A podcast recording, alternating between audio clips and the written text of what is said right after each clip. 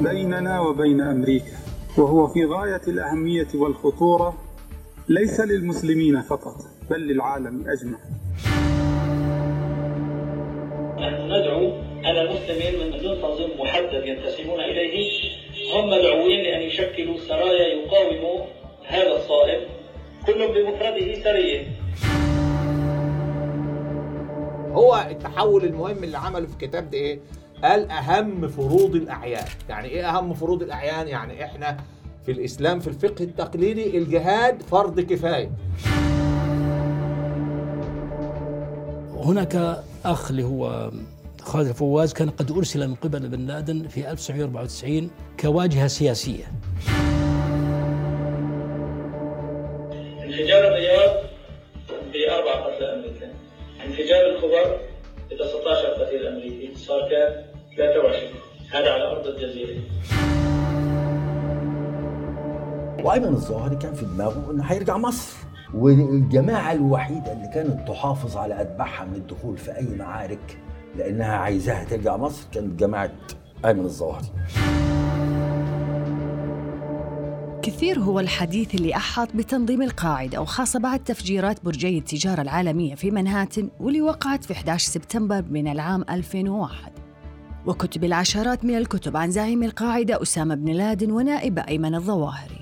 مع ذلك لا زال يطالعنا كل يوم شيء جديد عن منظمة بن لادن منذ أن أعلن عن تأسيس الجبهة الإسلامية العالمية لجهاد اليهود والصليبيين واللي كان التوقيع عليها في 12 فبراير عام 1998 وأفتي فيها بأن حكم قتال الأمريكان وحلفائهم مدنيين وعسكريين فرض عين على كل مسلم أمكنه ذلك في كل بلد تيسر فيه. فهل حقا كان عام 1998 هو تاريخ ولادة القاعدة كما يتصور الكثيرون؟ أم أن الأمر كان سابقا لذلك بسنوات؟ وهل كانت منظمة القاعدة طورا واحدا أم تعددت النسخ لها والأطوار؟ حتى انتهت بالشكل اللي عرفناه جميعا بها بعد أحداث الحادي عشر من سبتمبر وهل كان خطاب ابن لادن وغايته من منظمة القاعدة يستهدف السنة أم أنه خطاب شمولي عابر للطوائف والقوميات؟ وإيش حكاية شعار أخرجوا المشركين من جزيرة العرب وكيف تأسس ومن ساهم فيه؟ وهل كانت نظرية المقاومة الإسلامية العالمية لأبو مصعب السوري المنظر الجهادي والمدرب العسكري للتنظيمات الإسلامية المسلحة دليل الاسترشاد لأسامة بن لادن وامتدادا لما وصف أبو مصعب بالجبهة العالمية أنا هدى الصالح وهذا برنامج جماعات كانت مأسدة الأنصار بداية نشأة القاعدة والنواة الأولى له واللي كانت فكرة إنشائها من أسامة بن لادن لاستقبال المقاتلين العرب لإعدادهم للقتال. بعد أخذ الموافقة من أمير الاتحاد الإسلامي لمجاهدي أفغانستان عبد الرسول سياف سنة 1984 وأنشئ ما عرف بمعسكر صدى في منطقة حدودية بين باكستان وأفغانستان وكانت الطليعة الأولى من المقاتلين العرب 100 شخص. في سبتمبر 1986 أنشأ ابن لادن في البداية معسكر في منطقة جاجي بداخل أفغانستان واتخذت المنطقة مقرا لبن لادن وأتباعه وكان عددهم 11 شخص. في 1988 أنشأ بن لادن معسكر ثاني وهو معسكر ورسك بالقرب من بيشاور لتدريب المقاتلين العرب عسكرياً بعد فشلهم في معركة جاجي. وكان مسؤول التدريب اللي جاء بناء على طلب من ابن لادن لوضع برنامج تدريبي هو أبو أسامة المصري واسمه عبد العزيز علي وهو أحد كوادر الإخوان المسلمين العسكرية في وقت حسن البنا وساهم في مجال التدريب في التجربة الجهادية في سوريا وكان قد أعفي من مهامة بسبب مواقفه السياسية من الأحزاب الأفغانية. أما تنظيم الجهاد المصري واللي تزعم أيمن الظواهري فافتتح ثلاث معسكرات في جلال أباد وهي معسكر بدر ومعسكر القادسية ومعسكر القعقاع. وكان الهدف منها تدريب المقاتلين للجهاد في مصر وتدرب فيها نحو 200 شخص. كان المشرف على هذه المعسكرات عبد العزيز الجمل أبو خالد الضابط ومحمد صلاح نصر فهمي نصر وطارق أنور وزكي عزت زكي.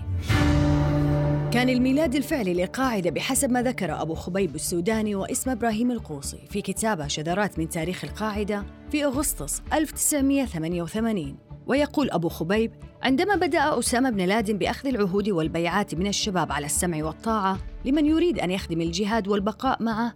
لدعم قضايا الجهاد وتنظيماته في أماكن متعددة لم تكن البيعات مقتصرة على الشباب القادمين من السعودية أو العرب فقط دون غيرهم من الجنسيات بل كانت تشمل جنسيات مختلفة. مشيرا إلى أن اختيار العناصر للانضمام إلى التنظيم لا يتم إلا بعد تزكيتهم من إدارة المعسكر وتحديدا بعد الانتهاء من الدورة التأسيسية. واللي كانت مدتها 45 يوم. وكانت المضافة الخاصة بأفراد تنظيم القاعدة في بشاور تسمى بيت السلام. أكد أبو خبيب أن القاعدة كغيرها من الجماعات الجهادية الأخرى لم تكن منذ اليوم الأول اللي تأسست فيه قطرية التوجه بل كانت عالمية في توجهها وعالمية في أفرادها. مضيفاً لم يرغب أسامة بن لادن أن يكون الجهاد ردة فعل مجردة خال من أي فكر يقوده وينظمه. ولم يرد أن يكون الجهاد محدوداً في حدود سايكس بيكو. فقد كان يريد أن تكون للمجاهدين قوات تدخل سريع ضاربة منظمة. فكان توجه بن لادن بعد تأسيس القاعدة وانتهاء الحرب في أفغانستان فتح جبهة ضد اليمن الجنوبي وذلك منذ العام 1988 ومن هنا كان حرصه بحسب أبو خبيب على استقطاب الشباب من اليمن الذين يتم إعدادهم وتدريبهم في معسكر خاص باسم معسكر الصديق. وأمير المعسكر هو صالح الجرو الملقب بابن عمرو الحضرمي. وباشرت القاعدة بتوجيهات من بن لادن عملياتها بسلسلة من الاغتيالات ما بين عامي 1991 و 1994 وإشعال عدد من الجبهات في اليمن الجنوبي. معنا في حلقتنا اليوم حتى نناقش أكثر آه، بداية تأسيس تنظيم القاعدة وطبعا يرتبط فيها شعارات مختلفة منها دعوة المقاومة الإسلامية العالمية. عندنا آه، الجبهة العالمية لمقاومة اليهود والصليبيين. وأيضا أخرج المشركين من جزيرة العرب. مع هذا كله نبغى نتناقش مع ضيوفي حول آه، علاقة تنظيم القاعدة آه، بإيران. متى بدأت؟ كيف كانت حيثيات بداية فتح الخطوط مع آه، مع إيران والحرس الثوري؟ طبعا معنا في هذه الحلقة الدكتور كمال حبيب متخصص في الجماعات الإسلامية وكان قيادي سابق في تنظيم الجهاد وقاد مراجعات فكرية حول مسألة استخدام القوة والعنف في مواجهة الحكام في الدول العربية. ومعنا أيضا الأستاذ أحمد راشد قيادي سابق في في تنظيم الجهاد. آه، من عام 1975 في مصر آه، وأفغانستان. حياكم الله. أهلا وسهلا. أنا أبغى بس آه، أبغى أبدأ معاكم في كتاب حديث لأبو أبو خبيب السوداني هو إبراهيم القوصي. ما أدري إذا الاستاذ أحمد تذكره. هو كان من الأوائل اللي التحقوا بتنظيم آه، القاعدة أو تنظيم الجهاد في أفغانستان. تكلم على أن الغاية من الذهاب في أفغانستان في ذلك الوقت البداية. آه، فيقول أن رأت الحركات الجهادية أن أفغانستان توفر فرصة مناسبة للقيام بواجب الجهاد الفريضة الغائبة ومرحلة مهمة للإعداد والتدريب من أجل القيام بالانقضاض على الأنظمة الحاكمة في العالم العربي. كذلك أدرك الشيخ عبد الله عزام والشيخ أسامة أن ساحة أفغانستان فرصة كبيرة. يجب أن تستغل بأفضل ما يمكن أن تستغل به. فلأول مرة منذ زمن بعيد يناقش أمر الجهاد في العلن. طبعا هذا الكتاب حديث لأبو خبيب السوداني وهو الآن اللي آه تقريبا اللي يتزعم تنظيم القاعدة أو خلف يعني نائب لأيمن الظواهري. حاليا هو اللي يتصدر المشهد في إصدارات تنظيم القاعدة آه من خلال تواجده باليمن وكان معتقل سابق في غوانتنامو في 2014 آه، انتقل إلى اليمن وعاد من جديد إلى التنظيم. آه، هنا يتكلم بغى أسألكم بالبداية على أن التنظيم القاعدة أنه كانت الفكرة هي مواجهة الأنظمة في يعني العناصر العربية اللي انخرطت. كانت الفكرة بإعداد والتدريب على على القتال والعمل المسلح للعودة إلى الدول. لكل واحد لدولته حتى يكونوا خلايا موجودة. صحيح ولا لا؟ أستاذ كمال. بسم الله الرحمن الرحيم. آه، بالنسبة لتنظيم لتنظيم القاعدة يعني اللي كان بعد كده طبعا بدأوا آه، عبد الله عزام سنة 84 ثم تكامل مع 88 ثم آه، بلغ يعني قمة اكتماله مع الفتوى بتاع الجبهة أو تكوين الجبهة العالمية لقتال اليهود والصليبيين اللي عبرت عن مجمل يعني المؤمنين بالحركة الجهادية آه، في آه، سواء بقى في أفغانستان أو غيرها من بلدان العالم حول إن إن إن إن اعتبار اليهود والصليبيين هم العدو الرئيسي للإيه للحركات الجهادية. فيما نطلق عليه إحنا كباحثين العدو البعيد. آه، آه، آه، فكرة الفريضة الغائبة اللي حضرتك تفضلت بيها هذا الكتيب ألفه محمد عبد السلام فرج في مصر هنا سنة 80 أو 81 وكان هذا الكتيب هو أول كتيب يزرع فسائل ما أطلقنا عليها وما عرفناها بعد ذلك باسم السلفية الجهادية السلفية الجهادية كان الكتاب ل- ل- لإيه؟ لفكرة قتال الأنظمة الداخلية أو الحكومات اللي موجودة في العالم العربي باعتبارها حكومات لا تحكم بما أنزل الله ولا تمثل الإيه؟ الإسلام باعتبار أن حكامها مرتدين عن الإسلام وليسوا ملتزمين به. وبالتالي ده يعني هو هو وضع فكرة السلفية الجهادية ووضع فكرة إيه؟ العدو البعيد يعني اعتبار قتال الحكومات هو الأولوية الأولى لدرجة أن القتال في فلسطين أو قتال اليهود لم يكن مطروحا على أجندته أبدا في هذا الوقت. إنما قتال الإيه؟ العدو القريب اللي هم الحكومات التي رأى أنها حكومات لا تحكم بالشريعة الإسلامية قلنا محمد عبد السلام فرج. ثم الجهاد الأفغاني بعد كده راح الجهاد الأفغاني محمد عبد السلام فرج ده سنة 81 81 حضرتك. إحنا الآن بقينا في التسعينات في أول التسعينات آه، في, في لا في مطلع الثمانينات في. مطلع الثمانينات إحنا 79 ثم مطلع الثمانينات مطلع الثمانينات ال- الفكرة بتاع ال- ال- اللي هو عبد الله عزام. اللي هو كان عضو في الإخوان المسلمين وكان مدرسا في الجامعة الإس- في في في في, في السعودية. وحصل على الدكتوراه من الأزهر هنا سنة 73 ودرس في الأردن ودرس في في في سوريا أيضا. بقى عنده مشروع اللي هو مشروع الجهاد و و ودعا فيه ال- الشباب العربي للذهاب إلى أفغانستان. دكتور إحنا كانت سؤالي على موضوع إنه تحولت إلى يتكلم أبو خبيب أنها كانت حتى للتدريب لا كانت ما أنا حضرتك مم. أبو خبيب كانت آه، آه، أفغانستان لما هم راحوا أفغانستان و و و و و و وعبد الله عزام اللي هو مرحلة الجهاد الأولى من سنة 1984 مم. أنا بتكلم عن التحول الفكري هنا. أيوة. انتقل التحول الفكري من ناحية إيه؟ إن هو كتب كتاب مهم جدا اسمه الدفاع. الدفاع عن عن بلاد المسلمين أهم فروض الأعيان. كتبوا علشان يقول إن اقتحام روسيا آه، الولايات ال- الاتحاد السوفيتي لبلد من بلاد المسلمين أصبح من أوجب الواجبات على كل مسلم إن هو إيه؟ يروح يدافع عن هذه تمام. الأرض. هو التحول المهم اللي عمله في الكتاب ده إيه؟ قال أهم فروض الأعيان. يعني إيه أهم فروض الأعيان؟ يعني إحنا في الإسلام في الفقه التقليدي الجهاد فرض كفاية. مم. مش أهم فروض الأعيان. الصلاة أهم منه التوحيد أهم منه كل هذا الكلام أهم منه. فكون هو يرفعه في النسق التشريعي اللي يعتبر أهم فرو... اعتبر أهم من الصلاة اعتبره أهم من التوحيد اعتبروا الفريضة العليا. وهو طبعا حاول إن هو في الكلام ده سنه 84 حاول إن هو ياخد يعني دعم من علماء السعودية في هذا الوقت وعرض هذه الفتوى عليهم. و و و وقال هو إن هم وافقوه لكن في علماء من السعودية قالوا إن لأن بعد كده الفتوى دي عر- عرضت على هيئة الإفتاء في السعودية وعلى المجلس العلم هناك ورفضوها رفضوا أن يقولوا إن إن إن إن إن, إن الجهاد هو أهم فروض يعني اعتبروا أن هناك فروضا أهم من منه.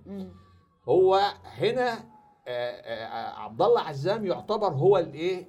اللي واضع بذرة إن ال ال ال ال كل المجاهدين أو كل الشباب العربي يجي من الجزائر ويجي من مصر ويجي من لبنان ويجي من جميع أنحاء العالم الإسلامي علشان يدافع عن عن ديار المسلمين في هذا الوقت اللي احتلها الإيه؟ الروس تمام أنا بجيب لك التحول الفكري التحول كيف تحولت الأفكار.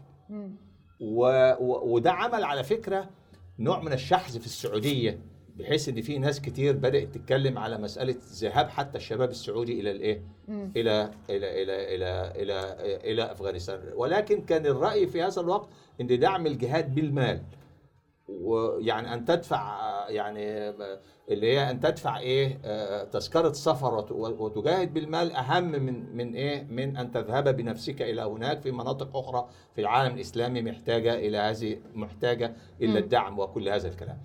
بعد كده بعد بعد ما راح الفترة اللي هو فيها من 84 إلى 88 بدأت تتكون تنظيم الإيه القاعدة. رؤية عبد الله عزام كانت إيه؟ رؤية عبد الله عزام أن يتخذ من أفغانستان ساحة لتدريب المجاهدين العرب علشان المجاهدين العرب دول يعودوا بعد اكتمال تدريبهم إلى فلسطين ليقاتلوا الإيه؟ ليقاتلوا اليهود ويبقوا جزء من تحرير أو منظور تحرير فلسطين. دي كانت رؤية مين؟ عبد الله عزام. لذلك عبد الله عزام ما كانش بيحتاج كان مهتم أكتر بفكرة الجهاد أكتر من الاهتمام بعقائد الأفغان اللي هم ناس صوفية ومتريدية وأشاعرة ما كانش مهتم بهذه القصة. بعد كده بس وكان هو حافظ على كل علاقات كثير م- ممتازة مع كل الأحزاب الأفغانية. طبعا. بعيدا عن هم حضرتك أنا بقول لك هو. كان بيدعم. الجهاد. طبعا ما فيش كلام. أيوة. بيدعم الجهاد وكان ما ما ما بيصنفش المجاهدين المجاهدين الأفغان في عقائدهم. إنما كان فكرة الجهاد هي الفكرة المركزية إيه؟ عنده. وكان المجاهدين العرب في هذا الوقت جزء شائع داخل الحالة الإيه؟ الأفغانية. أما جه بعد كده في في بعد في لغاية 88 و- و- وبعدين آه، قتل عبد الله عزام. آه، بعد كده اتطور أنا بتكلم على التطور الفكري لغاية ما رحنا للجبهة العالمية لقتال اليهود والصليبيين بدأ يظهر أسامة بن لادن. أسامة بن لادن آه، كان متخرج من كلية الاقتصاد عندكم في السعودية. و- وبدأ يكون شبكات جهادية من الشباب السعودي أصدقائه أغلبهم من الحجاز. وواخد هو شباب أصدقائه وخدهم وداهم إلى إيه؟ أفغانستان. عمل حاجة اسمها مأسدة الأنصار. إيه مأسدة الأنصار؟ خد فكرة المهاجرون الأنصار اللي هو الاستقلال. الاستقلال بقى ما يبقاش شائع داخل الجهاد الأفغاني زي ما عبد الله عزام بي- كان بيعمل لا الاستقلال بمجموعة من الشباب العربي ليكونوا منفصلين حتى عن الجهاد الأفغاني علشان بعد كده يبقوا هم اداته في تغيير الأنظمة الحاكمة. وبعدين بقى بعد كده أما دخلت أما سقطت أما سقطت افغانستان كابول في يد المجاهدين والمجاهدين العرب شافوا إن هم ما لهمش علاقة بالجهاد الداخلي بين المجاهدين الأفغان وبعضهم البعض رجعوا بقى خرجوا بعضهم راح اليمن وبعضهم راح السودان وبعضهم راح البوسنة على مناطق آه، تمس أخرى آه، آه، رجع أسامة بن لادن سنة 92 في السودان كان فيها الترابي في هذا الوقت والتقى هناك بأيمن الإيه؟ الظواهري اللي هو تنظيم الجهاد الجزء بتاع بتاع تنظيم الجهاد بعد نسمع. بعد الأستاذ لا، شمال ولا تفضل أستاذ اتفضل. أحمد اتفضل هو أيمن محمد ربيع الظواهري راح أفغانستان مع بدايته مع بداية الجهاد الأفغاني هناك أو انطلاق الجهاد الأفغاني هناك في 79 سنة 1979 والتقى هناك بحكمة مهندس حكمة يار وآخرين. وبعدين بعد كده لما خرج سنة 84 سافر لأفغانستان. دي المرحلة يعني هو خرج يعني زي يعني أيمن راح سنة 79 قبل آه. ما يبقى متهم في قضية تنظيم الجهاد. آه. آه اللي هي 462 امن دولة عليا قابل حكمة يار وقابل المجاهدين الافغان وشاف الحالة هناك. لما خرج سنة 84 من القضية وكان محكوم عليه بثلاث سنين آه رجع تاني أفغانستان آه. بناء على الأرضية اللي كان عملها قبل كده سنة قبل 79 ما يروح أيوة. أفغانستان مجموعة الظواهر كانت متفقة على إن نروح إيران. شغلنا يكون مع إيران. فهو راح سنة قبل 79 سنة 79 لا سنة 84 لما سافر. أول ما سافر سافر على إيران. بعد أيوة. السعودية سافر على إيران. أول يعني اتجاه له على إيران بعد؟ عصام القمري عليه رحمة الله كان واخد موقف شديد جدا من أيمن لأنه راح أفغانستان ما راحش إيران. اتفق مع راح هناك تمركز في أفغانستان ونسي إيران. لكن هو في حقيقة الأمر إن أيمن الظاهري راح إيران. فلما راح إيران عرضوا عليه عرضين. لما عرض عليهم إن يقوم بعمل جهادي داخل مصر فشرطوا عليه شرطين.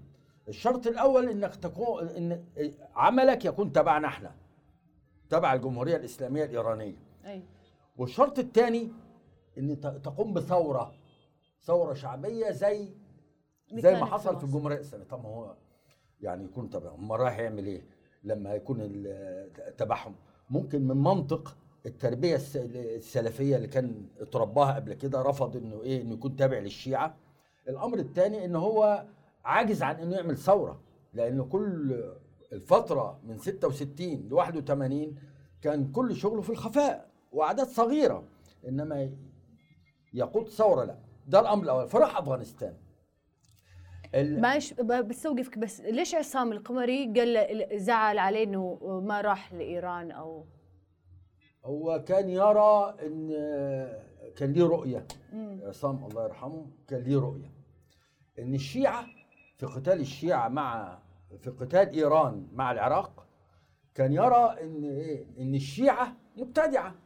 ده رجل عسكري مش متخصص في في العلوم الدينية. أعطي لي المستمع نبذه عن عصام. القمري. عصام الدين محمد كمال القمري ده في في في نهاية الستينيات التحق بالكلية الحربية بغرض إن يقوم بانقلاب عسكري بغرض إن إيه؟ ان إن يشترك أو يقود انقلاب عسكري ضد النظام الحاكم في مصر لإقامة دولة إسلامية محلها. محل الدولة المصرية. آه، ده كلامه هو. أي. ده كلامه اللي قاله لي. أنا يعني دخلت الكلية الحربية. ما كنت مسجون معاه. أي. أنا قعدت معاه كمالة خم- خمس سنوات. ماشي؟ ده ال ال ال ال ال ال آه عصام الدين محمد كمال القمري اشتغل دخل حرب أكتوبر وحارب في أكتوبر وأنقذ صديق من أصدقائه في ملحمة بطولية لأنه كان شايل جريح أمام الايه أمام الدبابات وبيهرب بيه. وكان يرى إن حرب أكتوبر دي حرب حرب عظيمة طيب. لتحرير الأرض. قدام البعض اللي كان بيقول إنها دي مؤامرة واتفاق ومش عارف وبتاع حاجة زي كده يعني. آه وكان آه مجند كان مجند مجموعة من العسكريين لم يتم القبض عليهم غير في إيه في قضية تشكيل إعادة تشكيل تنظيم الجهاد اتعمل له قضية مخصوص سنة 1981 قضية رقم 8 آه، عسكرية ولكن آه، ما. يعني كل المجموعة اللي كانت معاه خدت براءة ما عدا الإيه ما عدا هو خد 21 شهر نظير إنه إيه؟ إنه هرب من الخدمة العسكرية فترة اللي هو الفترة اللي كان مطلوب فيها.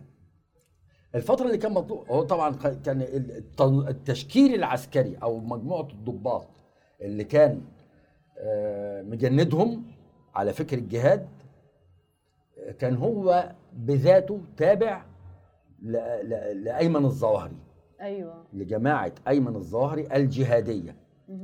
وأيمن الظواهري امتداد لإسماعيل الطنطاوي. دي مسألة آه، بعدين نتكلم فيها يعني.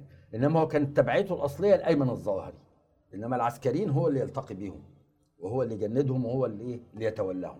سنة 1981 ما كانش طبعا في تدريب واستعداد لعمل عسكري لأن هم أساسا ضباط. أي. معايا؟ ده المجموعة دي. المجموعة دي كانت يمكن أكبر حاجة في التنظيم. لأن هو كان قال لي قال لي أنا كنت فاكر إن إحنا تبع تنظيم اكتشفنا إن التنظيم ده تبعنا. لأن أقل منه حجما واستعدادا وكل حاجة يعني. في سنة 1981 حصلت آه، يعني ظهور لحركات جهادية آه، صغيرة وكبيرة. آه، جماعة محمد سالم الرحال جماعة محمد عبد السلام فرج الجماعة الإسلامية صعيد صعيد مصر في تجمعات كده يعني. فإيه ابتدى جماعة آه، الجماعة اللي كان فيها عبود الزمر آه، عبود الزمر وطارق الزمر آه، هو شاف إن الايه إن إن في في زي ما تقول إيه في في تصورات أو في استعداد لعمل عسكري. فإيه محمد سالم الرحال عليه رحمة الله شجعه إنه يخرج حاجات من القوات المسلحة عشان خاطر آه، استعدادا لانقلاب عسكري. هو كان عنده فكرة انقلاب عسكري أصلا. قالها لي بالتفصيل ها؟ والإيه والفكرة دي كانت إيه كانت مبنية على أساس إن إيه آه على أساس إنه إنه إنه في لحظة من اللحظات شباب يدخلهم يتدربوا على الدبابات. باعتباره ان هو كان عنده كان إيه كان قائد كتيبة الدب كتيبة الدبابات. المهم كان عنده فكر لعمل انقلاب عسكري. فلما ال- ال- ال- المواضيع اتسربت لأن اتكشف ات- اتمسك تقريبا كتاب قدر يخرجه من المكتبة ال- عن إيه عن التدريب على على استخدام الار بي جي. لما اتكشف الكتاب واتعرف ان إيه ابتدت إيه تحريات توصل لحد عنده هو هرب من القوات المسلحة. وبعدين آه، لما ات- اتعرف إن هو تبع لأيمن الظاهري لما اتمسك أيمن الظاهري وصلوا له وحصلت معركة في ماشية ناصر وقتل فيها. نرجع للموضوع الإيه؟ أيوة. إن عصام عصام القمري كان أهم شخصية في تنظيم في جماعة أيمن الظاهري. أيوه. وهو كان القائد العسكري أصلا. طيب. أي بالنسبة بالنسبة لأيمن الظاهر. ايران إنه هو كان ايمن الظاهري راح إيران. فما حصلش اتفاق. لما حصلش اتفاق طلع على أي عصام القمري هو لا، دفع لا الظواهر عصام الابل استمر في السجن لحد ما هرب وبعدين اتقتل بعد كده يعني. سنة 88 آه سنة 88 1988 سنة 88 في إيه؟ في قتال مع الشرطة المصرية طب هو إيش كان قلت لي آه، موقفه من إيران؟ إنه دفع الظواهري إنه يبغى يروح والله هو كان ليه نظرية آه إن إحنا إيه نستفيد بالقتال مع إيران ضد القوات العراقية لأن العراق بعثي آه والإيه والبعثية أخطر من الابتداع اللي موجودين عليه الإيرانيين وبعدين اللي إيه؟ اللي يحيا من الناس يبقى يرجع متدرب ومقاتل ويقاتل في مصر لإيه؟ لعمل آه، انقلاب عسكري هو يعني كله فكرته هو كانت دعوته إنه يروح يشاركوا في إيران بالقت يعني في الثورة أو إيش؟ لا يشارك في قتال القوات العراقية آه. مع القوات الإيرانية. دول مبتدعة ودول بعثية. أيوه. دول بعثية مرتدة ودول ده من نظريته يعني آه. نظريته. دول بعثية مرتدة ودول إيه؟ شيعة مبتدعة. فالابتداع أخف. فنقاتل معاه. والظواهري إيش كان موقفه من هذا الموضوع؟ لا الظاهر رفض الكلام ده. الظاهر طلع على الإيه؟ على الافغان على أفغانستان على طول. رفض للسببين اللي قلت لك بس عليهم. هو راح إيران قبل ما يروح أفغانستان يبغى راح إيران الأول. أي. فلما لقى العرض مش موافق ليه طلع على أفغانستان. مم. في أفغانستان بدأ ال- الشباب بدأ شباب مصري يجي له عن طريق أفراد هو عارفهم أو معارف آه، أديبة. قديمه وابتدوا إيه؟ يروحوا له. هو كان شغال ساعتها في أي معلومة عن إن هو سافر؟ أنا عايز أعرف أنا شخصيا. إن هو سافر إيران يعني أنا أول مرة أسمع القصة. هل هو كتب مثلا في في فرسان على اللي هو مذكرات وما يشبه مذكرات لا ما كتبش الكلام؟ ما كتبش الكلام. أنا علمته من أسامة حميدي اللي على صلة بإيران قو- قوية يعني. أسامة حميدي على صلة إيران وسافر إيران أكتر من مرة يعني. وتأكدت من الكلام ده لما رحت إيه أفغانستان هناك.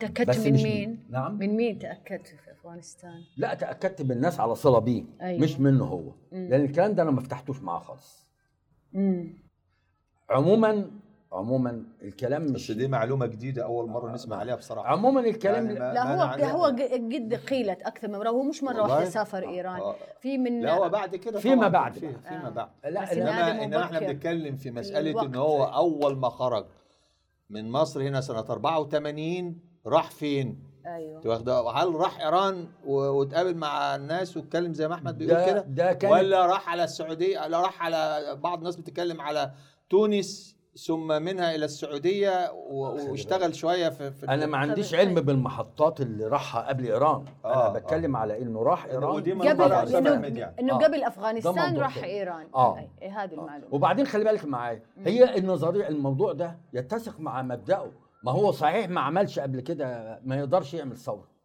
ومش هيرضى يبقى تبعية للشيعة. يعني ما فيهاش شيء محدد يعني. صحيح. معايا؟ المهم فلما راح هناك ابتدى إيه؟ ابتدى يعني يشكل يشكل أفراد. يروحوا يتدربوا. يتدربوا في الإيه؟ مع عند إيه؟ عند في في في في في, في معسكرات أسامة بن لادن. حصل اتفاق. ما بين حصل اتفاق ما بين أسامة أسامة بن لادن. وأيمن الظواهري أنا بنط حاجات خلي بالك معايا لأن حبيت أتكلم بالتفصيل هنقعد قعدة كبيرة. صحيح. حصل اتفاق أنا بقول لك إيه أنا بقفز قفزات. أي بالعكس كده إنما. لو عايزة تفصيل أي. ما عنديش مشكلة. معايا؟ حصل اتفاق ما بين أيمن الظاهري وأسامة بن لادن على الآتي. مم. المعسكرات اللي هيتم المعسكرات اللي هيتم تأسيسها داخل أفغانستان الايه؟ أيمن الظاهر هيوفر المدربين اللي هيدربوا في المعسكرات. مم. مقابل كده إيه؟ إن إيه؟ إن أسامة بن لادن يتعهد بتوفير الأموال اللازمة. للإيه؟ للمعسكرات والمضافات. معاه؟ فالانفاق انت عليك الإنفاق؟ وإحنا علينا الإيه؟ وإحنا علينا لحد دلوقتي المسألة ملهاش ما ما في- ما فيش كلام عن الايه عن عن عن عن عن, عن, تأسيس القاعدة. أنا ما ربطتهاش بالقاعدة. فكر الحركات الإسلامية كان هو التيار الأيديولوجي الصاعد بعد حرب الخليج الثانية حيث برزت التيارات الإسلامية على الساحة السياسية في السودان والجزائر ومصر ولبنان وفلسطين وفي منطقة الخليج. واعتمد الفكر الحركي الإسلامي السني الشيعي نهجاً شمولياً ساعياً إلى تجاوز البعد الطائفي والقومي والوطني بغرض تحقيق ما أطلقوا عليه العالمية الإسلامية الثانية. كانت محطة الخرطوم نقطة فاصلة في تأسيس فكر منظمة القاعدة. فبعد مجيء الإنقاذ في 1989 أسس الترابي ما عرف بحزب المؤتمر الشعبي العربي الإسلامي وأصبح الأمين العام له. وضمن في عضويته كافة الحركات الإسلامية الراديكالية المسلح منها والدعوي السياسي بالإضافة إلى الحركات الثورية اليسارية في العالم العربي والإسلامي والإفريقي. وفي هذا التاريخ كان أسامة بن لادن قد جاء إلى السودان في زيارة استكشافية له قبل أن يعود بعد عام ليستقر هو ومنظمته في الخرطوم لمدة خمس سنوات. في العام 1991 عقد المؤتمر الشعبي العربي الإسلامي مؤتمره الأول ودعا فيه حسن الترابي إلى توحيد المجاهدين والعناصر الإسلامية الأخرى في أعقاب الانسحاب السوفيتي من أفغانستان والهزيمة العراقية في حرب الخليج. بهدف مواجهة المشروع الصهيوني الأمريكي وحلفائه. احتوى تجمع الخرطوم وهو الأول من بين ثلاث تجمعات من العام 1993 و 1995 على زعيم القاعدة أسامة بن لادن وأيمن الظواهري وعباس مدني مؤسس الجبهة الإسلامية للإنقاذ في الجزائر والإيراني مهدي كروبي والأفغاني قلب الدين حكمتيار أمير الحزب الإسلامي. ومثل لبنان عماد مغنية القيادي في حزب الله اللبناني وخالد مشعل وفتحي الشقاقي ومأمون الهضيبي ومصطفى مشهور من الإخوان المسلمين. وكان من بين الحضور أعضاء من الحرس الثوري والمخابرات الإيرانية وقادة الجماعة الإسلامية المصرية والجهاد المصرية. شارك فتحي الشقاقي صاحب كتاب الخميني الحل الإسلامي والبديل وأمام هذا الجمع بدراسة كانت بعنوان حرب الخليج والقضية الفلسطينية. ومما جاء فيه ما أن سكتت المدافع في حرب الخليج الأخيرة وانتهى الأمريكيون وحلفائهم من مرحلة الهجوم العسكري ضد العراق حتى بدأوا هجومهم الثاني الذي يشمل دائرة أمن الخليج ودائرة مستقبل العراق. ومن الأهداف التي تطمح لها الولايات المتحدة تحقيق أمر واقع مستقر يحمي الأنظمة الموالية للغرب ويكرس تبعيتها والتصدي لحركة النهوض الإسلامي وتحجيم الحركة الإسلامية باعتبارها العدو الأول والأساسي لاستمرار الهيمنة الأمريكية وعبر تعزيز دور المؤسسة الدينية الرسمية وفقهاء السلطان. وطالب في المؤتمر بضرورة توحيد كل قوى الأمة بمختلف اتجاهاته الفكرية والسياسية على أساس أن الصراع مع التحالف الغربي الصهيوني صراع يمس كينونة الأمة. وطالب القوى الوطنية والقومية والإسلامية أن تعلن التزامها بأن الصراع مع الخارج له الأولوية المطلقة. كانت مخرجات المؤتمر الشعبي لحسن الترابي مطابقة لإستراتيجية القاعدة في طورها الأول واللي بدأت في العام 1990 و 1991 وعرفت بالمقاومة الإسلامية العالمية واللي جمعها وكتبها أبو مصعب السوري واسمه مصطفى الست مريم وهو المخطط الإستراتيجي لكافة التنظيمات الجهادية وعلى رأسها تنظيم القاعدة. حمل البحث اللي كتبه أبو مصعب السوري في بيشاور عنوان بيان الأمة الإسلامية من أجل قيام المقاومة الإسلامية العالمية وطرح أفكار لمواجهة الواقع الجديد بعد أن أصبحت معظم الحلول اللي طرحتها الصحوة غير مجدية وغير فعالة. خلونا نسمع إيش قال أبو مصعب السوري عن هذا البيان. مراحل نضوج هذه الأفكار وتطورها حصل عبر ثلاثة أربع مراحل. المرحلة الأولى كانت في سنة 1990 لما حصلت حرب الخليج وكنا في بشاور جاءتنا الأخبار إلى هنا وكان في بشاور كما تعلم كل الطيف الموجود للصحوة الإسلامية وللتيارات الجهادية كاملا. فلما جاءت حرب الخليج وجاءت مواقف العلماء وجاءت مواقف التيارات الإسلامية وجاءت مواقف الحكومات والشعوب إلى آخره حصل عندنا ما يشبه الزلزال وطرحت أفكار كثيرة لمواجهة الواقع الجديد ومع قيام النظام العالمي الجديد بدأ وكأن معظم الحلول التي طرحتها الصحوة بدأت يعني تصبح غير مجدية وغير فعالة وبعضها أفلس عمليا. فكان لابد من طرح أفكار جديدة حتى نتعامل مع النظام العالمي الجديد بطريقة أخرى تناسب الطريقة الجديدة التي تعامل معنا بها. في ذلك الوقت تقريبا أواخر 90 أو أوائل 91 كتبت بحث باسم بيان من أجل من أجل قيام المقاومة الإسلامية العالمية. معي نسخة أثرية يعني عمرها تقريبا 12 سنة هذه هي. هذا بيان للأمة الإسلامية من أجل المقاومة من أجل قيام المقاومة الإسلامية العالمية. فقاتل في سبيل الله لا تكلف إلا نفسك وحرض المؤمنين. عسى الله أن يكف بأس الذين كفروا والله أشد بأسا وأشد تنكيلا. ووضعنا رمز لهذه الدعوة المقدسات الثلاثة التي يجب أن ندعو الأمة لتخليصها من الاحتلال الجديد وهي القدس أولى القبلتين ثم الكعبة ثم المسجد النبوي. وكانت موضوع وراء سياج من الرماح. بعضها يحمل الصليب وبعضها يحمل النجمة السداسية. دليل على أن اليهود والنصارى هم الذين احتلوا الآن مقدسات المسلمين بشكل سافر وعلني وعسكري بعد ما احتلوها بشكل غير مباشر من حوالي 50 60 سنة. فهذا البحث اللي يقع تقريبا في 35 أو 40 صفحة يحمل الجزء الأساسي من الفكرة. التي ساشرحها خلال هذا الكورس. طبعا بالطبيعة الأمنية نحن كنا نتحرك خارج أفغانستان والبحث دعوة صريحة للإرهاب ضد النظام الدولي ودعوة صريحة لتنظيم هذا الإرهاب وجعله فعال فما كان ممكن نعلنه باسم صريح أو باسم جماعة أو باسم مؤلف أو باسم كاتب ولذلك نشرناه بدون أي اسم هكذا فقط بيان الأمة الإسلامية من أجل قيام المقاومة الإسلامية العالمية وذكرنا في هذه المقدمات وذكرنا في أن الآن يجب أن تدخل الأمة الصراع ضد النظام الدولي ولا يكفي أن أن تقوم التنظيمات الإسلامية أو التنظيمات الجهادية بهذا الصراع نيابة عن الأمة. ونشرناه بطريقة يعني سرية جدا للغاية. ارسلناه خارج باكستان ورجعنا دخلناه من الخارج إلى باكستان ونشر. فظنت الاستخبارات هو كتب في خارج باكستان بدفع بدفع الشبهة عن المنطقة هنا ونشر في ذلك الحين. ثم نامت الفكرة من سنة 1991 إلى سنة 1997. طبعا في حينها وزع منه نسخ كثيرة ولكن ما كان لتوزيعه يسأل فقط ذكر لي أحد الأخوة إنه اذاعه صوت أمريكا علقت عليه بعد ثلاث أيام من نشره لأن فكر ارهابي بالغ الخطوره بدا ينتشر بين المسلمين نتيجة التدخل في الحمله الصليبيه الاخيره اللي يسموها عاصفة الصحراء. أما على صعيد المسلمين على صعيد التنظيمات فتقريبا ما لقى أي ردود أفعال ولا أي تجاوب، فقط قرأوا بعض الناس فوجدوا دعوة هكذا تشفي الصدور وبس انتهى الموضوع. طبعا نحن غادرنا أفغانستان في سنة 92 في باكستان نتيجة الحملات الأمنية اللي حصلت على الأفغان العرب ثم بعد ذلك بالنسبة لي أنا شخصيا انشغلت في مساعدة الأخوة الجزائريين الجماعة الإسلامية المسلحة في الجزائر لما كانت صالحة قبل الانحراف وأغلب الأخوة بيعرفوا مساهمتنا في تلك الفترة ثم تبرؤنا من الانحراف وتركنا الملف الجزائري بالكامل.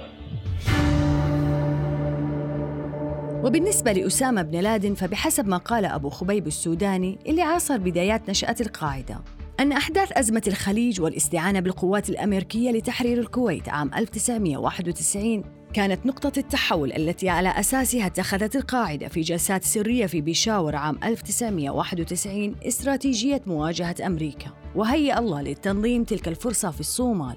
وقال كان استخدام القوات الأمريكية إلى الجزيرة العربية في أغسطس عام 1990 تحت ذريعة تحرير الكويت نقطة تحول رئيسية في تاريخ الصراع وتحول المسار الفكري للمجاهدين بما فيهم بن لادن بعد أن كشفت لهم الأحداث حقيقة الأنظمة الحاكمة في المنطقة. فتوصل ابن لادن بتفكيره الشخصي وتأثره بمنهج التيار الجهادي إلى أن الطريق إلى الجهاد ضد الأنظمة المرتدة ومنها النظام في بلاد الحرمين يمر حتما بمواجهة أمريكا. موضوع القاعدة حصل ليها تأسيسين. التأسيس الاولاني سنة 88 القاعدة غير موضوع الجبهة دي. الجبهة دي هقول لك حكايتها. القاعدة كان ليها تأسيسين. التأسيس الأولاني سنة 88 أنا عندي طبعا الأماكن بس طبعا الورق مش معايا هنا يعني. معايا؟ آه، أول تأسيس والتأسيس ده حضره أبو أسامة المصري. وأسامة بن لادن وعبد الله عزام وآخرين. عبد الله عزام وقف آه، قدام يعني إيه رفض الايه الموضوع ده المبدأ ده. اللي هو مبدأ إيه؟ مبدأ عمل القاعدة. هي موضوع القاعدة فكروا فيه ليه؟ فكروا فيه يبغوا ليه؟ يسجلوا أسماء لا لا لا, وال... لا موضوع القاعدة فكروا فيه ليه؟ سيبك من الغطاء. آه. هم فكروا فيه ليه؟ أيوه. شباب كتير جدا راح هناك والشباب ده نوعين. في شباب حر راح قاتل في الجبهات ومالوش دعوة بالجماعات قصده مستقل يعني أيوة. مستقل ده مستقل تماما مم. تمام؟ وفي جماعات راحت الجماعات اللي راحت دي أنواع مم. فيها جماعات جهادية تكفيرية قطبية كل ما تت... كل ما نتخيله وإخوان موجود. مسلمين كمان أيوة. واخوان لا ده الإخوان ده أساس يعني. معايا لكن الإخوان عادة معسكرات الإخوان الإخوان كان كان الايه كان الأساس بتاعهم هناك. أو اللي كان أسس معسكرات هناك اللي هو أبو عبد الله عزام والإيه عبد الله عمل عزام معسكر صدى فصلوه عمل- عمل- ما كانش بيتصرف باعتباره هو ده. بس أساسا اللي راح لما راح أسامة بن لادن أفغانستان كان معاه كمال السنانيري عبد الله عبد الله عزام عبد الله عزام كانوا بيعتبروه هناك. أنا بتكلم عن الاعتبار. فصل موجود أو مش موجود ده موضوع تاني. كمال؟ السنانيري كان رايح علشان يوح يعمل لف وتوحيد وتوفيق بين بين ال- الايه ال- المجاهدين الأفغان بين الأفغان. يار وعبد الرسول سياف. ولما اتعملت حكومة وبدأوا يتصارعوا على النفوذ وعلى المصالح هناك وعلى المناصب وكل هذا الكلام فهو راح كمال السنانيري علشان هذه القصة. تمام الإخوان المسلمين ككيان وكتنظيم دولي لم يقوموا بتأسيس أي معسكر داخل أفغانستان. خلاص؟ كانوا كانوا عبارة عن إيه؟ آه، إغاثة أطباء مش عارف إيه ده شغلانة. لكن الوجه الوحيد للإخوان سواء اتفصل موجود مش الوجه الوحيد للإخوان اللي كان موجود هناك وكان بيشتغل بصفة مستقلة اللي هو آه، عبد الله عزام. وكان تابع كان كان تابع ليه في المعسكرات؟ ناس على نفس فكر. الإخوان سواء موجودين أو يعني موجودين في في التنظيم أو مش موجودين في التنظيم زي أبو برهان السوري. كان ضابط آه، احت... كان زا... كان كان تقريبا صف ضابط في الجيش السوري قبل كده. معايا؟ وأنا التقيت بأبو برهان أبو برهان وهذا. شخصية كان ذكرها أبو خبيب السوداني أيضا آه. ضمن ال ال- آه. أبو برهان في معسكر صدى. أي. معسكر صدى ده كان بيتلقى يعني أي واحد عايز يتدرب ما كانوش يقولوا له هويتك إيه أو انتمائك إيه. أهم حاجة ياخدوا الجواز بتاعه ويطلع على معسكر صدى واستنى بقى عشان خاطر تتوزع على الجبهات. لحد دلوقتي القاعدة ما كانش إيه ما كانش ليها إيه وجود. جه في 89 89 عمل المحاولة الثانية اللي هي نجحت بعد كده. آه، أسامة بن لادن دعا لتأسيس القاعدة. واللي شجعوا على تأسيس القاعدة أيمن الظاهري قال له الناس دي اللي جت. وبعدين طبعا أسامة بن لادن كان الهدف الرئيسي عنده حضرموت. أي. عدن. القتال في عدن عن طريق اليمن الشمالية يعني إيه؟ تكرار التجربة الباكستانية. أي. وأيمن الظاهري كان في دماغه إنه هيرجع مصر. ماشي؟ والجماعة الوحيدة اللي كانت تحافظ على أتباعها من الدخول في أي معارك لأنها عايزاها ترجع مصر كانت جماعة ايمن الظاهري ما كانوش يدخلوهم المعارك. يعني التدريب وأقرب ويبقوا مدربين يوفروهم. لمصر. توفير لمصر آه. كان في صراع هو في صراع يعني في عدة صراعات لكن أظهر صراع كان بين أسامة بن لادن وعبد الله عزام مين يكون أمير الجهاد في أفغانستان صراع مفهوم وصراع ما بين عبد الله عزام وأيمن الظواهري على وجه الحدود على وجه الخصوص جماعة الجهاد المصرية. وكان أنا نفسي سمعت خطبة للدكتور عبد الله عزام قال بالحرف الواحد على أساس انهم جايين يتدربوا هيقاتلوا في مصر. لا هو عايز الناس تقاتل في فلسطين لاستعادة المسجد الأقصى ولاستعادة القدس واستعادة فلسطين. فكان بيقول إيه؟ بالحرف الواحد؟ اللي اللي جاي أفغانستان علشان يتدرب ويرجع يقاتل في بلدانه دون أن يقاتل مع مع الإخوان مع الأفغان ضد الشيوعيين دي قومية نتنه و- و- وعصبية عفنه كان بيوصفها وصف جديد. علشان كده لما قتل عبد الله عزام لما قتل عبد الله عزام يرحمه الله أنا كاتب تقريبا حوالي 20 جهة ممكن تكون قتلته. طيب. أنت فاهم قصدي؟ نرجع لموضوع الجبهة. الجبهة الإسلامية لقتال اليهود والصليبيين. دي حاجة والقاعده دي حاجة تانية. مم. ماشي؟ آه الجبهة دي تم الإعلان عنها بداية في 91 سنة 1991 وكان منشأها الأردن. واللي قال لي التفصيل ده أبو مصعب السوري بحد ذاته. قالها لي سنة 1991 في جبهة وين وين كنتوا مع بعض في أفغانستان وقتها؟ لا أنا قال لي الكلام ده وأنا في باكستان. أي. أبو مصعب أبو مصعب السوري عملت لهم؟ عم- عملت ليهم دورة تدريبية. آه. ليه هو ومجموعته مصعب. آه طبعا. أي. معايا؟ أبو آه، مصعب. السوري ومجموعته كان حوالي خمسة ستة كده يعني. الأشياء عسكرية يعني وكذا ال- آه دورة تدريبية. آه عسكرية طبعا. إنما هو ده هو دماغ. يعني هو مثلا في 20 حاجة بس في حاجة ناقصاه أنا كملت الحاجة دي بس مش أكتر من كده يعني. من نشاط ابن لادن في السودان ما وصف أبو خبيب السوداني بحرب الفاكسات ويقول بالتشاور مع مجلس شورى القاعدة تم تكوين هيئة تسمى هيئة النصيحة والإصلاح. مقرها لندن. كان الهدف منها التركيز على مهاجمة الولايات المتحدة وسياساتها في المنطقة. وكذلك النظام السعودي وهيئاته السياسية والمدنية والشرعية والعسكرية. وكانت الآلية بصياغة البيانات في السودان ثم إرسالها إلى مكتب الهيئة في السودان. وكان الذي يتولى إرسال هذه البيانات من لندن هو خالد الفواز. في تلك الأيام بعد أن ترك بن لادن السودان في الواقع في حقيقة الأمر الظاهر نحتاج لبطاريات إضافية أو بطاريات من نوع خاص للتلفون اللاسلكي ال- ال- التلفون ال- ال- الاقمار الصناعية التابع له زي الثريا وكذا يعرفوها ال- الجمهور يعرفوها الناس. لكن له الظاهر النظام الذي لديه يختلف ليس ثريا. ما أدري النظام اللي معه على كل حال لا لا علم لي بهذا. حتى عندما اتصل وش- وشكر على كذا ك- اتصل بالتلفون العادي. لكن الثريا تتصل باقمار صناعية بش- بش- بالشبكه الارضيه على كل حال. فليس واضحا بأي تلفون اتصل في ح- آنذاك. على كل احتاج الفواز الظاهر بطاريات إضافية أرادها بن لادن يعني آه، لتهلي هذا التليفون؟ سامحني م. الفواز لم ينهي علاقته مع بن لادن حتى بعد لا، لا، لا، البيان لا، الذي لا. أصدره لا لا كانت اللي هو وين وصل المكتب الآن مكتب بن لادن أو مكتب آه، الإصلاح النصيحة استمر في. أعماله كما هو إلى أن حصلت في سنة 98 آه، حصل مؤتمر شارك فيه الظواهري واخرون من جماعات جهادية من الجماعه الاسلاميه وجماعة الجهاد لأن جماعتين مختلفتين ليس ليس مسلكهم واحدا. عندهم اختلافات فقهية وكذلك اشتركوا سويا وشخصياتهم البارزه اللي كانت موجودة في أفغانستان سواء من قديم الزمان وبقوا فيها أو من خرج وتسرب. وربما بعض من الجزائر الذين ملوا الحالة الجزائرية وذهبوا إلى هناك المهم اجتمعوا فيما يظهر في مكان ما في في أفغانستان. أو في الهند أو في بنغلاديش. ما هو واضح بالضبط أين اجتمعوا. يقال إنه في بنغلاديش بس ماني متأكد من هذا. وأصدروا إنشاء ال- الجبهة الجبهة العالمية لمحاربة آه، اليهود والنصارى والصليبيين واليهود وشيء من القبيل. آه، وأطلعوا بيان بأنهم يعني يعني يتبنون إعلان حرب حق بن لادن وإلى آخره وصار في عمل منظم.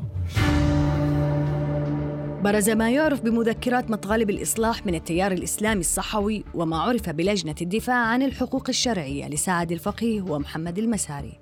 قبل بدء عملها من لندن أخذ أسامة بن لادن المبادرة وأصدر بيانه الأول في مطلع سنة 1994 بعد هذا البيان قرر أسامة التحرك علنا مع آخرين ونتج عن ذلك ظهور ما عرف بهيئة النصيحة والإصلاح.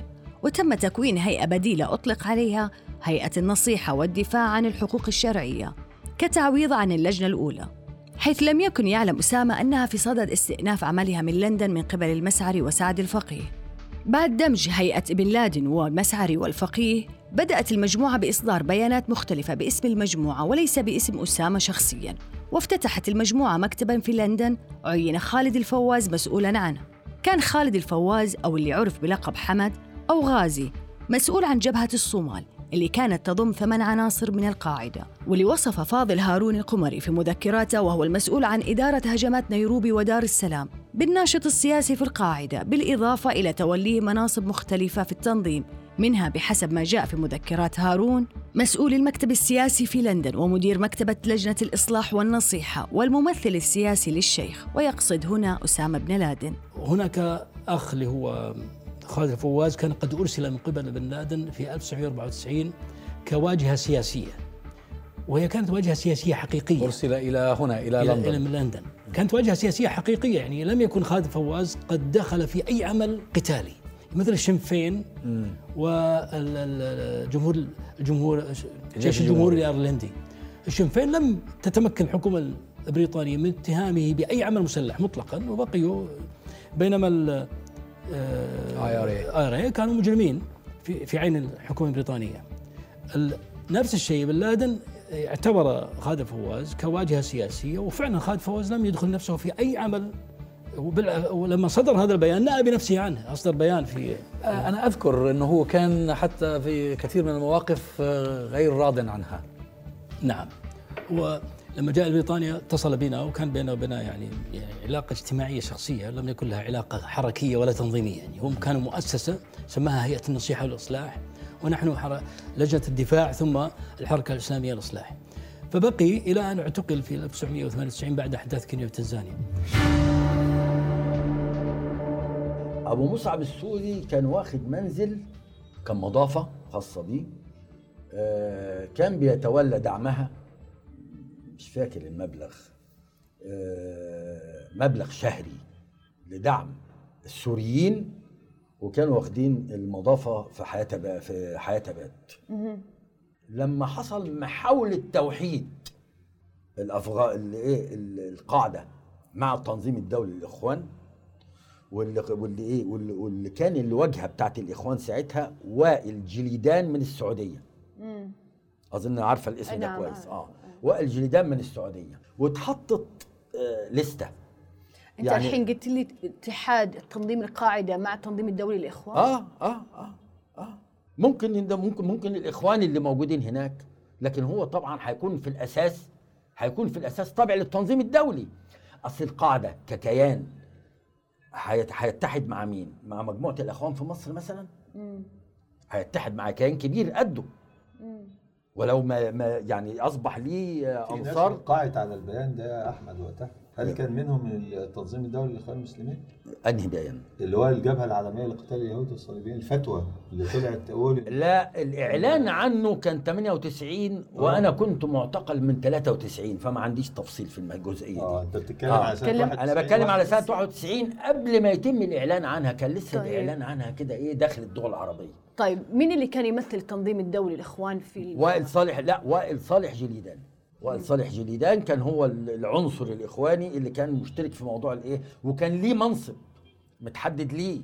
الأمير العام أسامة بن لادن وال وال والقائد العسكري أبو عبيدة البنشيري المصري والنائب القائد العسكري أبو حفص المصري المصري معاه؟ والمسؤول المالي وائل صالح جليدان معاه؟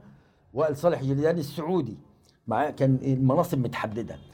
فقامت ثورة. داخل طبعا أيمن الظاهري مش هتفرق معاه لأن هو ليه هدف. هو في اتنين. محمد عبد الرحيم الشرقاوي رحمه الله هو كان من المعارضين تماما وعشان كده فصل من العمل فصل من عمله حتى. كان ليه عمل في القاعدة لأنه ما انضمش لإيه؟ هناك ما انضمش للظاهري. هو كان من جماعة الظاهري هنا لكن هناك ما انضمش. وفصل من عمله.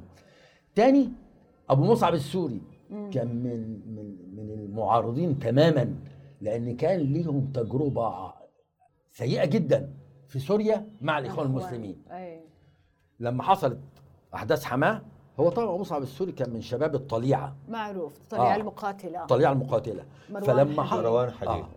فلما حصل موضوع أحداث حماة الإخوان ما اشتركوش بأي عنصر من عناصرها داخل الأحداث دي طب أنتوا ما اشتركتوش ما فيش أي تضحيات تمت بتعملوا إيه في أوروبا بدأوا يجمعوا الأموال ب- عشان خاطر الضحايا والأحداث وال- فاتجمعت الأموال مم.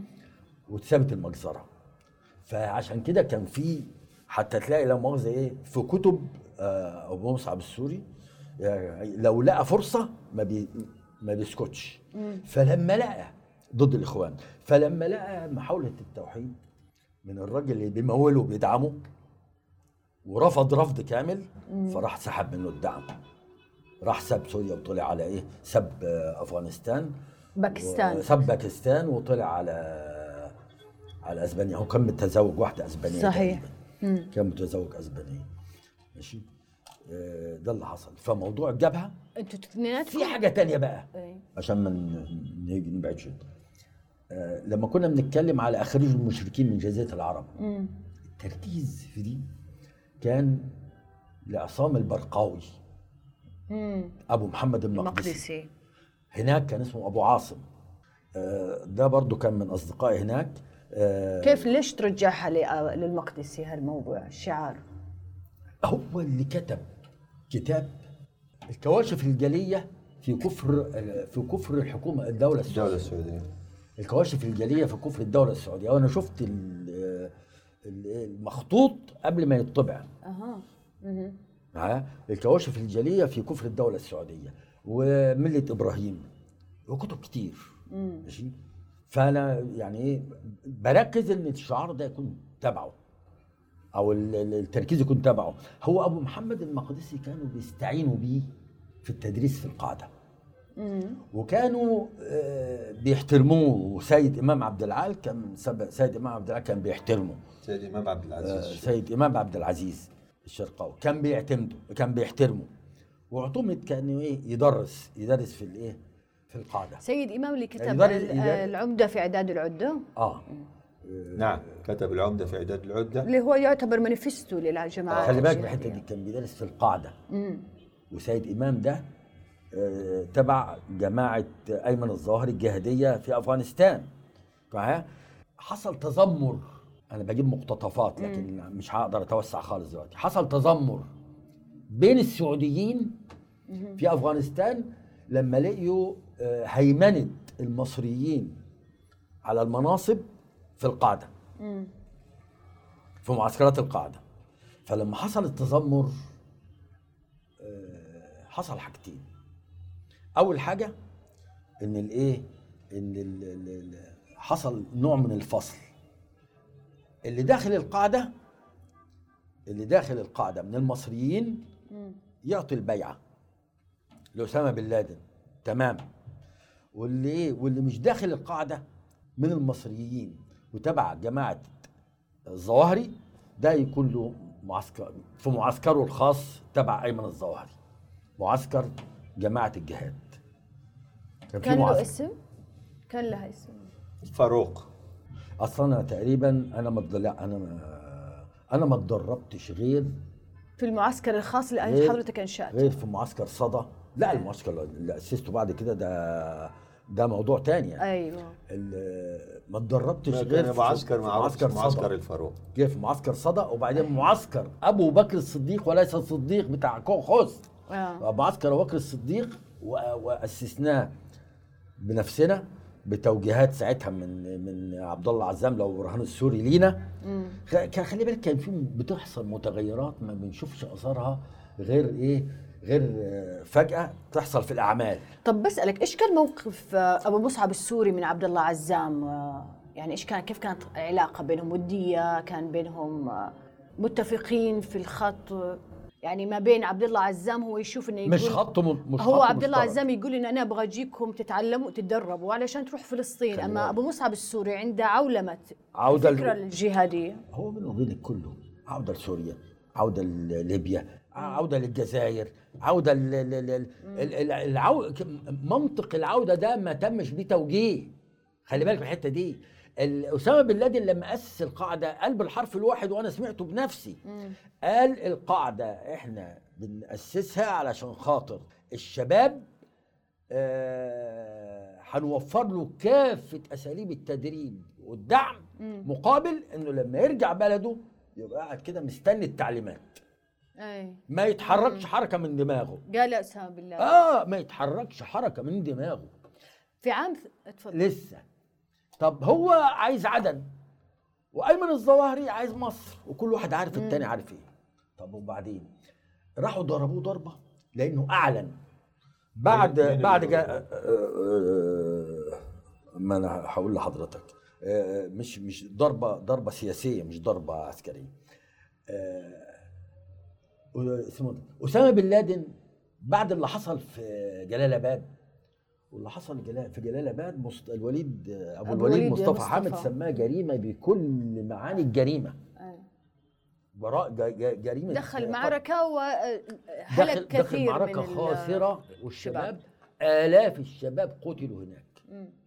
لأن الطيران فيش غطاء طيران وبتوديهم في ارض سهلة طب أنا لما أروح لو مؤاخذة آه، جاجي طب جاجي لو مؤاخذة مرتفعات وجبال وكهوف آه، ترابوره مش عارف إيه بتاع طب لكن دي لا. إحنا بعدنا شوي إحنا مش نتكلم هنبعد. هنوصل ليها. آه، أبو الوليد مصطفى حمد أبو آه، حامد مصطفى أبو آه، الوليد لا بع- قبل أبو الوليد.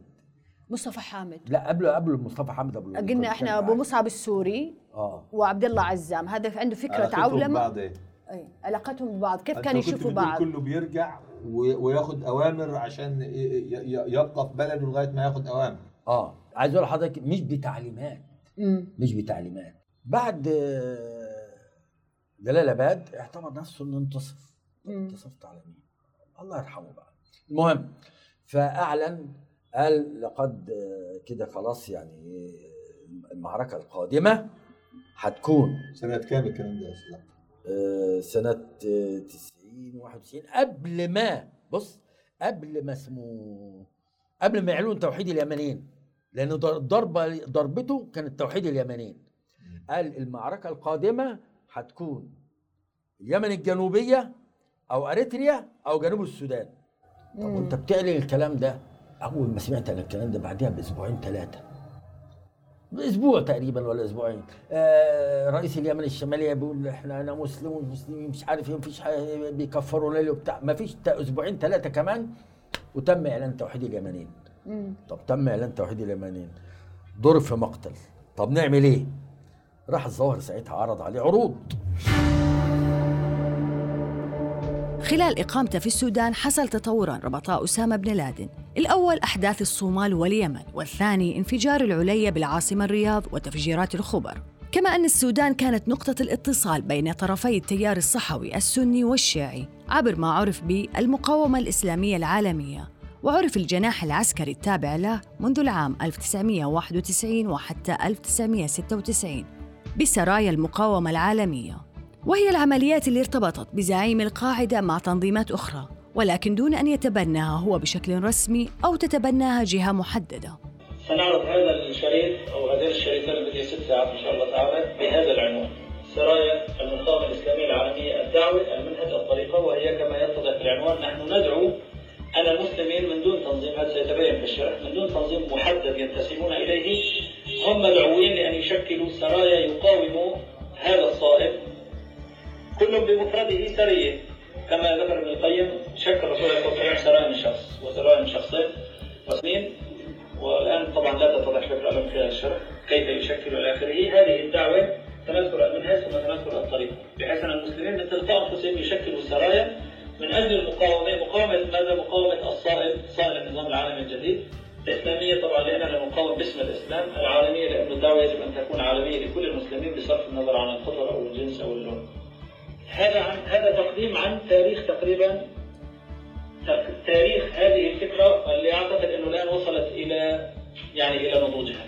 بحيث بعد هذا الكورس إن شاء الله سأتفرغ إلى إخراج هذا الكتاب مكتوب اللي أتوقع أن يبلغ ما بين 300 إلى 400 صفحة. الفصل الثامن يحتوي سبع أبواب سأشرحها في حينها اللي هي صميم النظرية الجديدة التي نريد أن نجدد أو نحرك فيها الركود الذي حصل بالفكر الجهادي. نحن ندعو إلى تجديد الفكر الجهادي أو تجديد حركة المسلمين من خلال تجديد على مستوى العقيدة القتالية على مستوى الحرية على مستوى الطريقة العسكرية على مستوى طريقة التنظيم طريقة التمويل طريقة التمويل إلى آخره لأن طرقنا أعتقد أنها أصبحت مستهلكة وعرف العبد كيف يضع لها حياتي. هذا هنا لب الطريق لب الفصل. الآن تاريخ الصحوة أيضا اختصرنا أخذنا منه الجزء الأساسي منه وهو تاريخ مسار الجهاديين مسار العمل المسلح. العمل المسلح كما سنبين بالتفصيل هو نصف الصحوة. هو بدأ في سنة 1965 يعني الصحوة تحولت من صحوة دعوية لصحوة مسلحة في سنة 65 واستمر معنا إلى 2000 واستمر جزء من الصحوة على طريقته ولكن العمل المسلح عمره 35 أيضا وصلنا إلى قعر الأزهر وصلنا إلى قعر الأزهر هذا البحث وضعت له تحته هو في الفصل الثامن. قلنا طريقة جديدة تفرض نفسها لمواجهة الأزمة اللي هي ضرورة قيام مقاومة إسلامية عالمية أوسع من قضية التنظيمات هذه أشياء هذا التجديد أو فتح فتح باب التجديد أو رسم الخطوات الأولى لتحريك الفكر الجهادي. حطيته عبر سبعة نظريات اللي هي أساسيات أي تجديد أساسيات أي. عمليا كانت الساحة الصومالية واليمنية البداية لتنظيم القاعدة في تدشين الاستراتيجية العالمية وذلك في العام 1991 بالإضافة إلى عمليات متفرقة في عدد من الدول منها محاولة تفجير برجي التجارة العالمية من قبل رمزي يوسف في العام 1993 في نوفمبر 1995 استهدفت عناصر تابعة لأسامة بن لادن بسيارة مفخخة بعثة عسكرية أمريكية في أبراج العليا بالعاصمة الرياض. وقال فارس آل شويل ولقب أبو جندل الأزدي وهو أحد منظري القاعدة في كتابة أسامة بن لادن قاهر الأمريكان. في الصومال كان هناك فصيل صغير يقود مجموعة ممن سبق أن تدربوا في أفغانستان وكان لهم دور في العمليات النوعية ضد الأمريكان. أما اليمن فنفذت القاعدة عدة عمليات في الفنادق في عدن. كان أسامة يفتخر بهذه العمليات ولكن لم ينسبها إليه مباشرة وإنما يعتبرها من دائرته العامة. أما انفجار الرياض والحديث هنا لأبو جندل فالدلائل تشير بقوة إلى أن المجموعة اللي كانت تقف خلفه على علاقة بأسامة. ولم ينكر أسامة العلاقة ولم ينكر تأييده للعمل. لكن كان دقيق في أنه لم ينسب لنفسه في أي حديث أو مناسبة بشكل مباشر.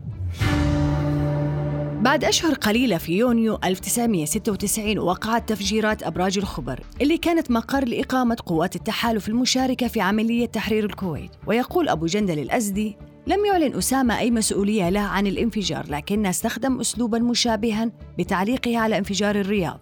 فهو يؤيد الانفجار دون أن يتبناه في المقابل حرصت السلطات السعودية على تركيب المسؤولية على عناصر شيعية مدعومة من إيران وذلك في محاولة لمنع إضفاء مصداقية لبن لادن.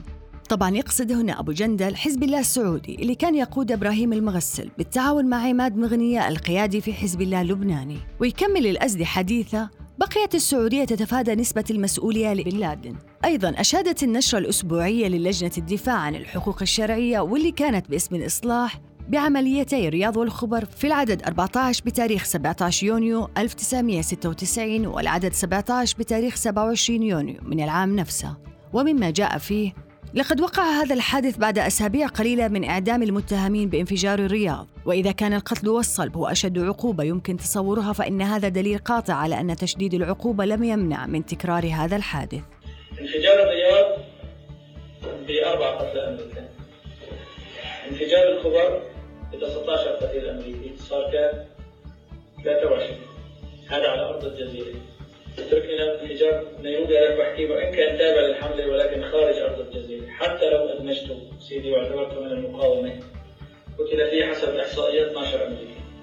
23 و12 35 بعد انفجار الخبر بفترة بسيطة أصدر أسامة بن لادن بيانه الأول بعنوان أخرجوا المشركين من جزيرة العرب. ولم يصدر البيان هذه المرة من هيئة النصيحة والإصلاح بل صدر منه بشكل شخصي وباسمه. جاء البيان في 12 صفحة ووزع بالفاكس. بعد أحداث الصومال وانفجار الرياض وتحديدا بعد عام 1994 بدأت تتسبب إقامة بن لادن في السودان بحرج للحكومة السودانية. وبادر أسامة بن لادن بالتواصل مع أصدقاء القدامى في أفغانستان يونس خالص وجلال الدين حقاني لنفوذهما في جلال آباد وهذا قبل أن يمتد نفوذ طالبان خارج قندهار. ونجح في أن يؤمن موقعه في جلال آباد وغادر السودان في طيارة خاصة مع أعضاء مجلس شورى القاعدة. أستاذ كمال بالنسبة لموضوع الشعار اخرجوا المشركين من جزيرة العرب اسمنا الأستاذ أحمد كان تكلم على أن حسب يعني ملاحظته إنه من آه، أبو محمد المقدسي شو شوف حضرتك؟ دلوقتي أخرجوا المشركين من جزيرة العرب. ده حديث عن النبي صلى الله عليه وسلم. إيه.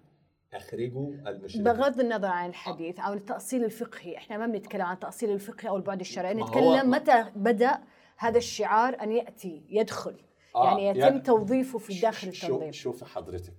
الوقت سنة 1990 لما صدام حسين دخل وغزا الكويت معروف. إيه بعد كده استدعيت القوات الأمريكية لتأتي بدل ما تكون قوات بحرية تبقى موجودة علشان دفع خطر إيه صدام حسين. أيوة. تمام؟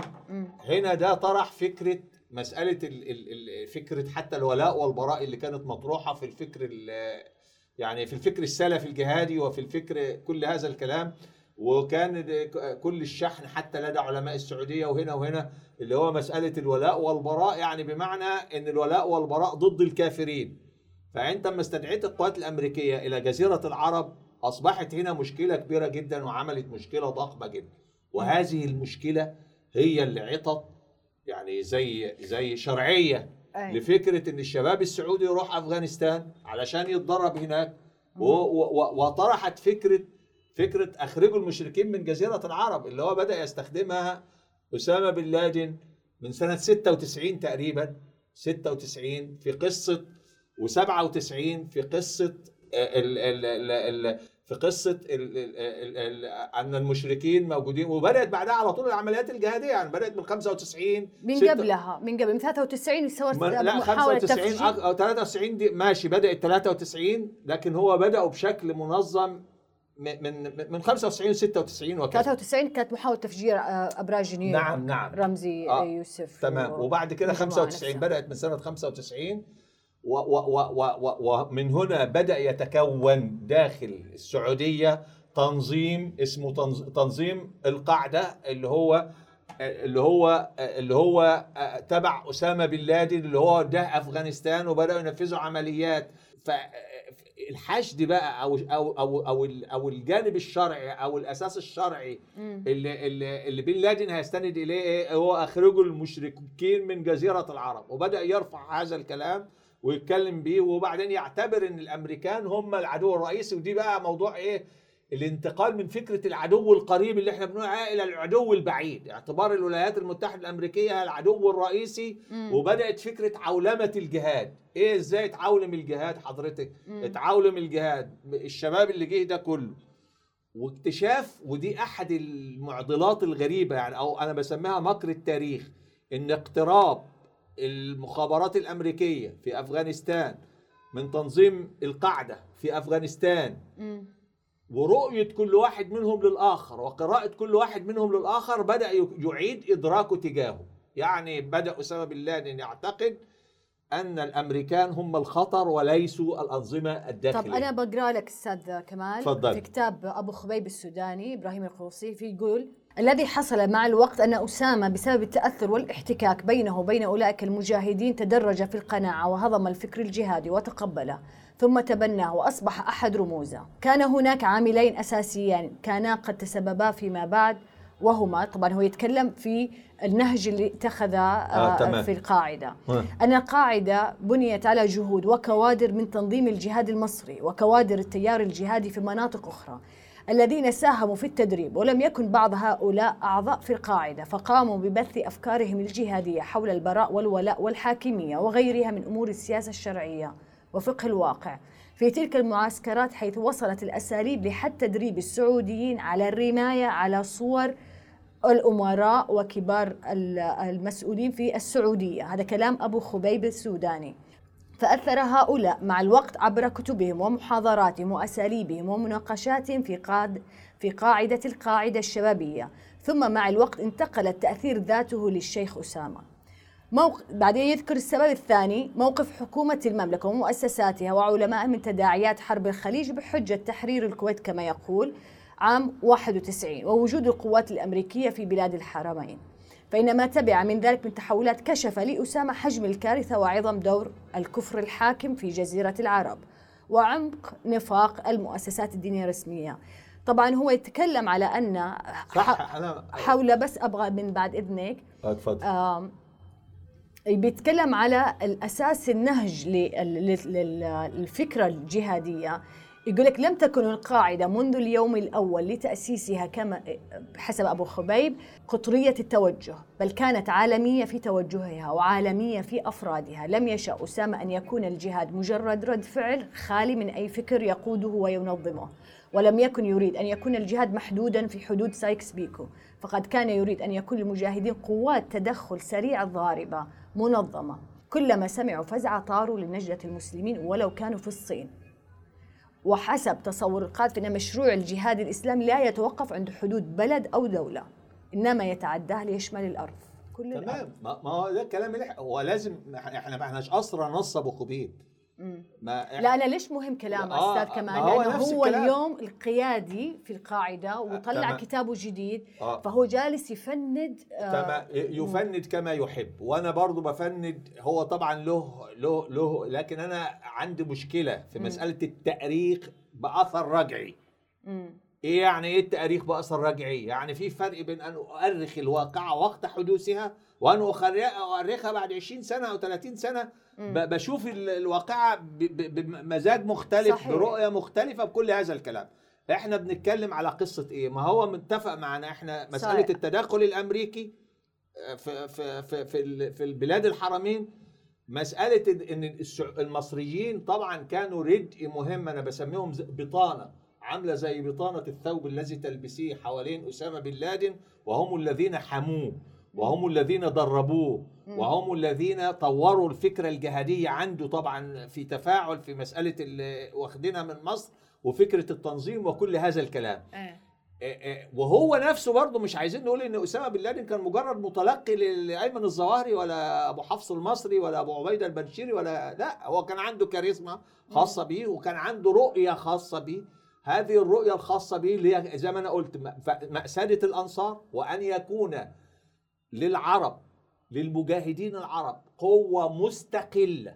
عن عن عن المجاهدين الأفغان ما تبقاش قوة شائعة فيهم طيب. زي ما كان بيقول آه، آه، آه، زي ما تمام. كان بيقول اللي هو اسمه إيه ده عبد الله عزام. عبد الله عزام انت واخد طيب. بال سعادتك إزاي فاذا هو كان بيرى هذا مسألة بقى قوات سريعة وهو طبعا كان شايف إن إن إن طبعا الجهاد بين اليمن الشمالي واليمن الجنوبي كان هو شايف إن هو آه، يعني بيلعب دور مهم فيه والتدريب فيه ويتدخل في هذه ال- القصة. لكن هو سنة 92 زي ما أنا قلت وصل بقى في السودان. الحكومة السعودية حاولت أن تتفاهم معه علشان يرجع وعلشان يتراجع عن فكره ده بعد ما كان هو رفض هذا الكلام. وعليه سحبت جنسيته سنة 1993 أي. وهذا كلام معروف. في الفترة ديت كان ال ال ال تنظيم ال- القاعدة لسه لا يزال لا يزال مستقل لوحده هو تنظيم الجهاد المصري رغم إن في تعاون بينهم زي ما أحمد قال إن كان في تدريب طيب. وكان في وأبو عبيدة البنشيري راح أفريقيا ومسألة الصومال وكل هذا الكلام. ال ال ال الجهاد المصري تنظيم الجهاد المصري ما معاش فلوس ما معاش نفقات طب يعمل إيه تنظيم الجهاد المصري؟ وخلاص أفغانستان بعد ما خرجوا وسابوها أصبحوا مشردين في الأرض. وفي السودان ما همش آمنين خاصة إن بعد آه، محاولة اغتيال أو قبلها حتى محاولة مم. اغتيال مبارك سنة 95 من مجموعة من الجماعة الإسلامية والضغط على السودان في سبيل إن إيه؟ إن لازم الناس دي. تفض الصلة هذه في القصة دي كلها. لدرجة إن بعض الأصدقاء ممن أعرفهم هم كانوا يعني أعضاء نافذين في تنظيم ال- الجهاد في هذا الوقت ذكروا لي إن هم جالهم اتصال مباشر من ال- المخابرات السودانية خلاص لموا حاجتكم وامشوا في مسألة لا تأجيل فيها. هم كانوا عايشين إزاي في السودان؟ كانوا عايشين في في بلوكات سكنية مغلقة عليهم محدش عارفهم. وطبعا في هذه الفترة كان الأمن المصري بيحاول يخترق تنظيم الجهاد المصري. وكان قاعد قدامه في قدامهم في الناحية الثانية واخترقهم فعلا وجند شاب هناك آه، معروف القصة. وكل هذا الكلام طيب. أنا أقصد أن أقول في الحالة دي بقى تنظيم الجهاد بقى بقى, بقى فريقين أيمن الظواهر والمجموعة اللي معاه عايزين يتحالفوا مع بن لادن وينضموا معاه. اللي هو كون فيما بعد اللي هو قاعدة الجهاد. وفي مجموعة تانية زي ثروت صلاح شحاتة وهذه المجموعة شافت إيه؟ شافت إنه آه، لا يبقى تنظيم الجهاد مستقلا ما ما ينضمش. طبعا حصل بعد كده في مصر هنا إن إن, إن كانت فكرة اللي هو تدريب الناس وترجيعهم علشان يشتغلوا في مصر هنا. آه، طبعا اتكشف تنظيم طلائع الفتح سنة في يناير 1993 و- واتكشف آه، ألف واحد قبض عليهم في ليلة واحدة. وكان ساعتها سيد إمام الشريف قاعد عامل زي الإمام ال- آه، الإمام اللي هو المختفي يعني لا يعرف لا يض... هو كان أمير التنظيم مش مش أيمن الظواهري و- وعمل العمدة في إعداد العدة وبعد كده عمل الجامع في طلب العلم الشريف. و- وفي هذه الحالة بقى لما حصلت المشكلة دي اللي هي بتاع 1900 وط- وكشف تنظيم طلائع الفتح جه بقى وتم محاسبته في السودان و- و- ومثل هذا الكلام واستقال من التنظيم وحمل عليه حملة قوية جدا. هنا البيئات الجهادية اللي زي كده بتبقى عاملة زي أنا بسميها مدرج مدرج العنف مدرج مدرج صاعد بيبدأ بدرجة ثم يذكر ثم ثم هكذا. فسيد إمام الشريف في العمدة في إعداد العدة أنا قريته طبعا. آه، كباحث يعني وك فشفناه إيه بيتكلم على مسألة التنظيم الفقهي لمعسكرات المجاهدين وفق الفقه التقليدي. مفيش أي حاجة فيها نزوع يعني آه، آه، تكفيري ولا أي حاجة. الجامع في طلب العلم الشريف هو المؤسس لكل فكر داعش فيما يتصل بتكفير المسلمين و و و و وكل هذا الكلام. يعني مثلا على سبيل المثال تنظيم آه، تنظيم الجهاد ما كانش يكفر الطائفة الممتنعة ما يكفرش أعيانها. يعني هو كان يقاتلهم الضباط يقاتل يستهدفهم ولكن آه،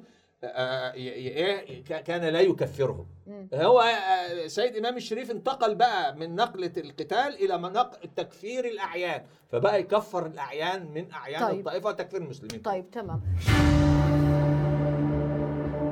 في الجزء الثاني بنكمل معكم قصة ولادة شعار تنظيم القاعدة من جبال تورا بورا أخرجوا المشركين من جزيرة العرب ومن شارك بن لادن في كتابته. وبنتعرف على تفاصيل المرحلة التالية وهي الإعلان عن تأسيس الجبهة الإسلامية العالمية لقتال اليهود والصليبيين في العام 1998 أنا هدى الصالح وهذا برنامج جماعات.